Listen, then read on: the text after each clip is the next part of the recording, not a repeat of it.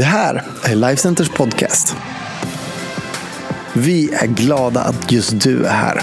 Allt du behöver veta om oss och vad som händer i kyrkan det hittar du på Lifecenter.se och våra sociala medier. Här kommer veckans predikan. läsa Bibeln tillsammans. Idag så ska jag predika om någonting som kallas så fantastiskt eh, för när vi möts, då kan allting hända. När vi möts, då kan allting hända. Och, eh, eller vad som helst skulle man kunna säga.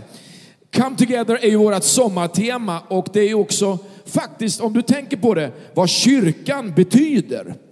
Vad ordet församling betyder. De som kom samman. Kyrka är kristna människor, människor som tror på Jesus, som möts tillsammans.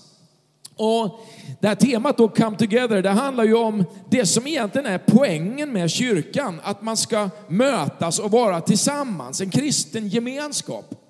Det är, en, det är ett enormt motgift mot isolering och eh, alltså sekterism och allt sånt här som handlar om att på något sätt us for no more. Att komma samman i biblisk bemärkelse och som en kristen kyrka, det handlar om att det är inte bara för oss utan det är för alla människor i den här världen och en öppen gemenskap som vi vill inbjuda människor till. Det är en kraft, det är en plats där allting kan hända. Vad som helst kan hända i en sån gemenskap. Vi ska läsa en bibeltext ifrån Markus evangelium. Det är 12 versar ifrån det, första, eller det andra kapitlet, Markus 2 och från vers 1 och framåt. Det står så här, när eh, eh, några dagar senare kom Jesus tillbaka till Kapernaum, hans hemstad alltså. När man fick höra att han var hemma, står det, samlades så många att de inte längre fick en plats ens utanför dörren. Och han förkunnade ordet för dem. Då kom man till honom en förlamad som bars av fyra män. När de för folkmassans skull inte kunde komma fram med honom till Jesus tog de bort taket över platsen där han var. De gjorde en öppning och sänkte ner bädden som den lame låg på. Jesus såg deras tro och sa till den lame, mitt barn, dina synder är förlåtna. Nu satt där några skriftlärda och de tänkte i sina hjärtan, varför talar han så? Han hädar. Vem kan förlåta synder utom Gud? Jesus förstod genast i sin ande att de tänkte så inom sig och han sa till dem, varför tänker ni så i era hjärtan? Vad är lättast att säga till den lame, dina synder är förlåtna, eller att säga, res dig upp, ta din bädd och gå? Men för att ni ska veta att Människosonen har makt på jorden att förlåta synder, säger jag dig, och nu talade han till den lame. Res dig, ta din bädd och gå hem. Då reste sig mannen upp och genast tog han sin bädd och gick ut inför ögonen på dem alla och alla blev utom sig av häpnad och prisade Gud och sa, vi har aldrig sett någonting liknande. Ska vi be? Far i himlen, lys på ditt ord. Heligande, måla den här berättelsen och Jesus och applikation och tillämpningar rakt ner i våra egna liv. Hur vi kan göra det här en verklighet för oss allihopa, Herre. I ditt mäktiga namn jag ber. Amen. Vad bygger en gemenskap där allting kan hända skulle jag vilja tala lite om idag. Och det första som jag vill plocka fram det är att vara där Jesus är. Att vara där Jesus är. Var rör sig Jesus? Var finns Jesus idag? Var är Jesus on the move? Där vill jag vara. När jag var en yngre predikant och hade börjat liksom som pastor i en kyrka så kände jag liksom en tid att, jag känt ganska länge, Gud, du måste ju vilja någonting mer. Du måste ju vilja göra någonting mer. Och jag reste faktiskt primärt nästan över hela världen. Jag hade kompisar och vänner eh, i Europa, jag hade dem i, i, i, i Storbritannien, jag hade dem i USA. Och jag reste för att liksom, jag var hungrig över att få möta och uppleva det Gud gjorde. Och här i Sverige var det så att kom det någon spännande predikant eller var någon kyrka med något spännande, då ville jag liksom smaka på det. Jag ville vara med om det som hände. Spelar ingen roll om det var i Toronto eller om det var i amerikanska södern i Pensacola eller om det var i London eller om det var i Tyskland någonstans. Jag ville vara där Gud gjorde någonting. Och eftersom jag kom ifrån en liten stad i Blekinge som hette Karlskrona på den tiden och senare även liksom i Smålandsbygden, ja, men då var man i Stockholm, men man var i Oslo eller man var i Malmö, man var överallt för att liksom få smaka på det Gud gjorde. Var rör sig Jesus? Var är han on the move? Där vill jag vara. Och mitt bästa tips är egentligen det här. Placera dig själv där Guds ord säger att Jesus ska vara. Placera dig där Guds ord säger att Jesus ska vara. Gå där han uppenbarar sig. Och vad säger hans bibel om var han uppenbarar sig, var han visar sig? Ja, det första är i sin kyrka, i sin församling. I kyrkan, i församlingen, det som du är med om just nu, så visar sig Jesus i lovsången när vi lovsjunger tillsammans, i texterna, i sångerna, i predikan, i kollekttalet, i inbjudan som sker. Där visar sig Jesus och där kan du möta honom och uppleva honom.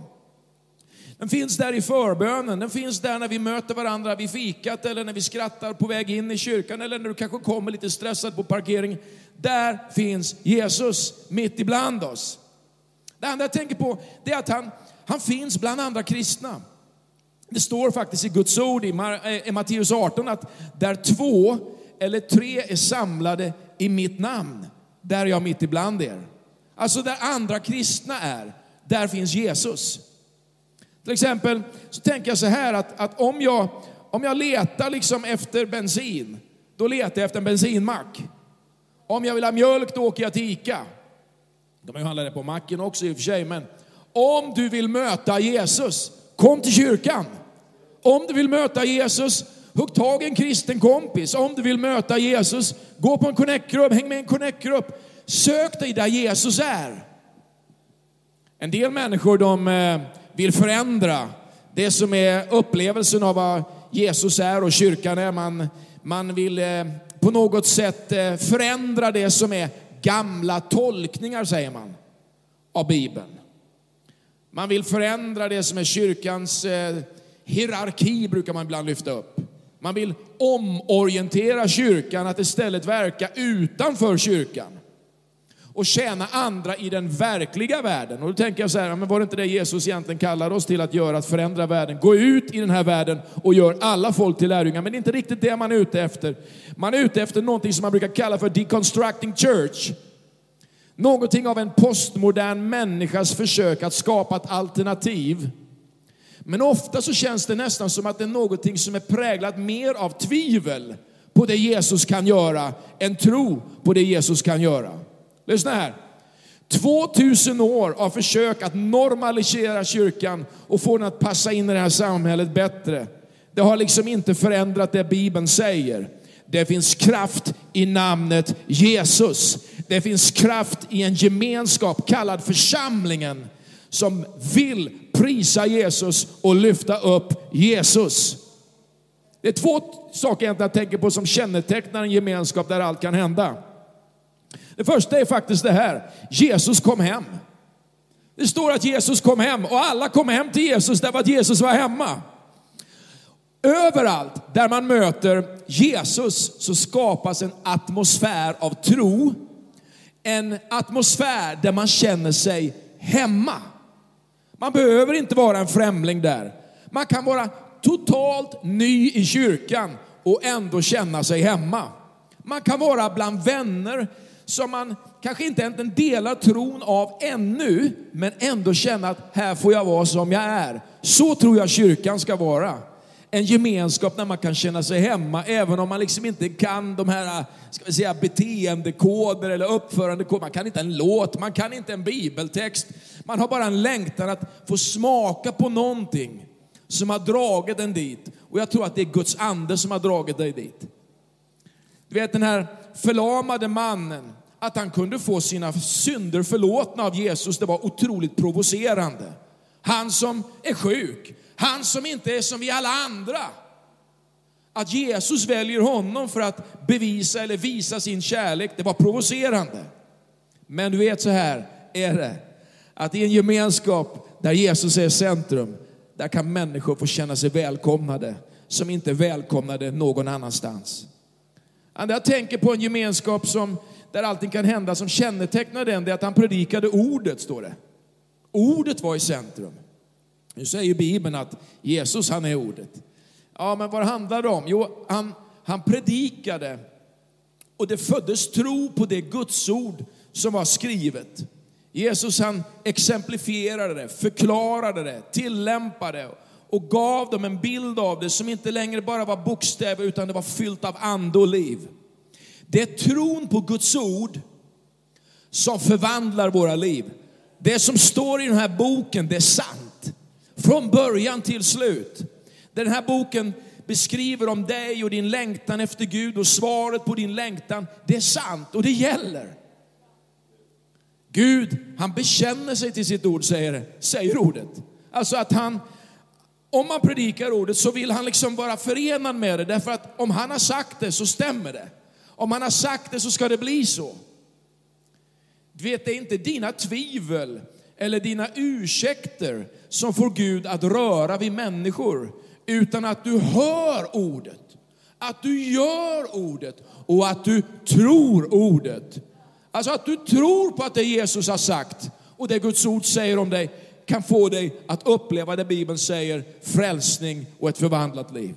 Så det är underbart att få leva ett liv och vara där Jesus är. Det kännetecknar en gemenskap där allt kan hända. Men det handlar också om att vi kan ta med Jesus dit andra är. En gemenskap där allt kan hända. Det är inte bara att komma hem, utan vi tror faktiskt att Jesus har utmanat oss att ta med oss Jesus överallt dit vi går. Det är det här som är kraften i en kyrka som har mött den heliga Ande. Att Gud inte bara är i kyrkan på söndag, utan att kyrkan, den är i plugget på måndag. Den är i jobbet på tisdag. Den är med grannarna i trappuppgången på onsdagen. Den är med liksom på återbruket på en torsdag. Den är med på köpcentret på en fredag. Den är med liksom på golfklubben på lördag morgon. Den är med i kyrkan också på söndag. Den heliga ande går alltid med oss. Han är alltid liksom vid vår sida och han lyfter alltid fram Jesus. Den heliga ande representerar Jesus i våra liv och han, han representerar Jesus i vårt sätt att möta människor runt omkring oss. Häng med på de här bibelorden, första Petrus 3.15. Var ständigt beredda att svara var och en som ber er förklara det hopp ni har. Alltså när du går i plugget så kanske du får frågor och då säger Bibeln, hej, du ska vara beredd att svara på de frågor du får. Så kanske du tänker så här, oh, jag är livrädd för det här. Jag vet inte vad jag ska säga. Jag kan inte som du PJ Bibeln på det sättet. Jag har, jag har inte levt så länge som du så jag har svar på alla frågor. Men hallå, lyssna här. Titta på Matteus 10 från vers 19. När de utlämnar er, bekymra er inte för hur ni ska tala. Bekymra er inte då för hur ni ska tala eller vad ni ska säga. Det kommer att ges åt er i den stunden. Och då är det inte ni som talar, utan er fars ande som talar om er. Don't worry, be happy. Don't worry, be happy. Du vet, det du har mött av Jesus, det är det viktigaste i din berättelse om vem Jesus är för dig. Det är inte det jag upplevt eller alla andra upplevt eller om någon tycker du har en värre story än det, eller bättre story än du har. Det är din story. Det är ditt liv, det är vad Jesus har gjort för dig som gäller. Och det är det du kan berätta om. Att du mötte Jesus och du har upplevt ett förvandlat liv tillsammans med honom, en trygghet med honom. Det står i Matteus 16 så här ifrån vers 15.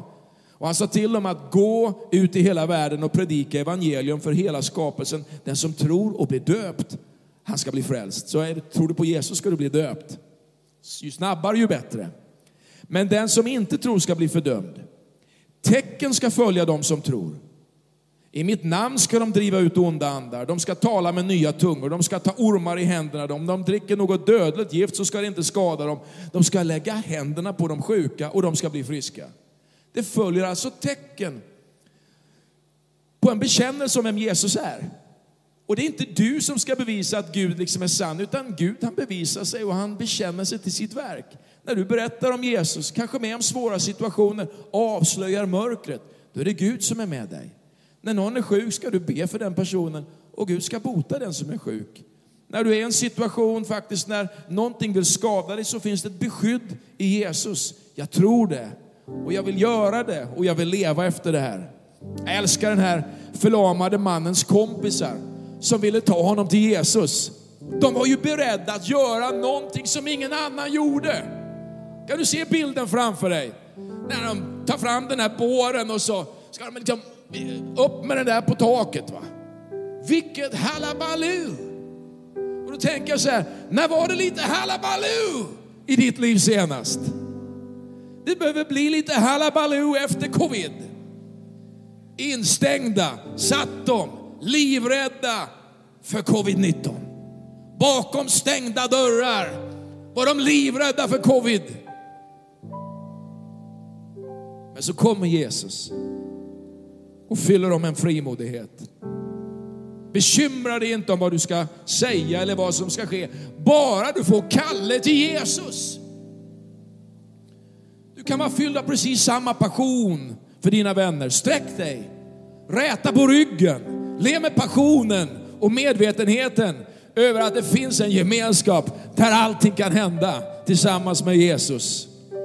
Min avslutning är den här. Du kan också få gå dit ingen annan vill gå. En gemenskap där allt kan hända. Jesus han älskade att röra vid människor som ingen annan räknade med. Han älskade att toucha människor som var samhällets outcasts. Och det har en orsak. Jesus han svarar på längtan och han svarar på tro. När han såg deras tro, står det. Svårigheten att göra det där, det har många gånger en bakgrund i några saker och det, det är faktiskt saker som vi behöver ta i våra liv. Jag tänker så här, det finns mer i dig än vad du tror. Evangeliet har alltid utmanat status quo och bekvämlighet. Men den gör det därför att Gud vet att det finns mer i dig än vad du tror. Han har en passion för människor och det är därför han vill använda dig. Du platsar också mycket mer än du tror. Hela Bibeln är fylld av stories om människor som inte trodde att de platsade i att tjäna Gud eller göra något för Gud. Men han väljer ut dem. Och så är de med och förvandlar hela sin samtid och hela sin värld. Jag har en fråga till dig. Vad tror du att de senaste åren har gjort med dig under covid-tiden? Kanske är du sliten efter eh, lite mer än ett år i vården och har känt pressen över att liksom leverera med tro, med hopp och med energi. Kanske är du lite förvirrad efter ett år av passivt liv på något sätt, där man inte fick, man fick inte gå till jobbet, man fick inte vara ute, man fick inte hänga med människor, man fick inte partaja, man fick inte göra någonting nästan. Eller är du kanske idag bara sådär äh, sprudlande hungrig efter gemenskap som varenda student har varit här? Som varenda människa som bara, när solen kom, nu kan vi inte bara få grilla och vara ute. Att göra någonting med livet.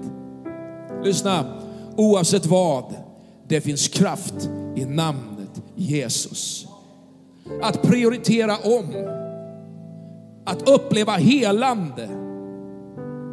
Om du har haft en svår sjukdomstid, det finns helande i namnet Jesus. Om du har blivit passiviserad, om du upplever liksom att någonting har lagt som en blöt filt över ditt liv under den här tiden.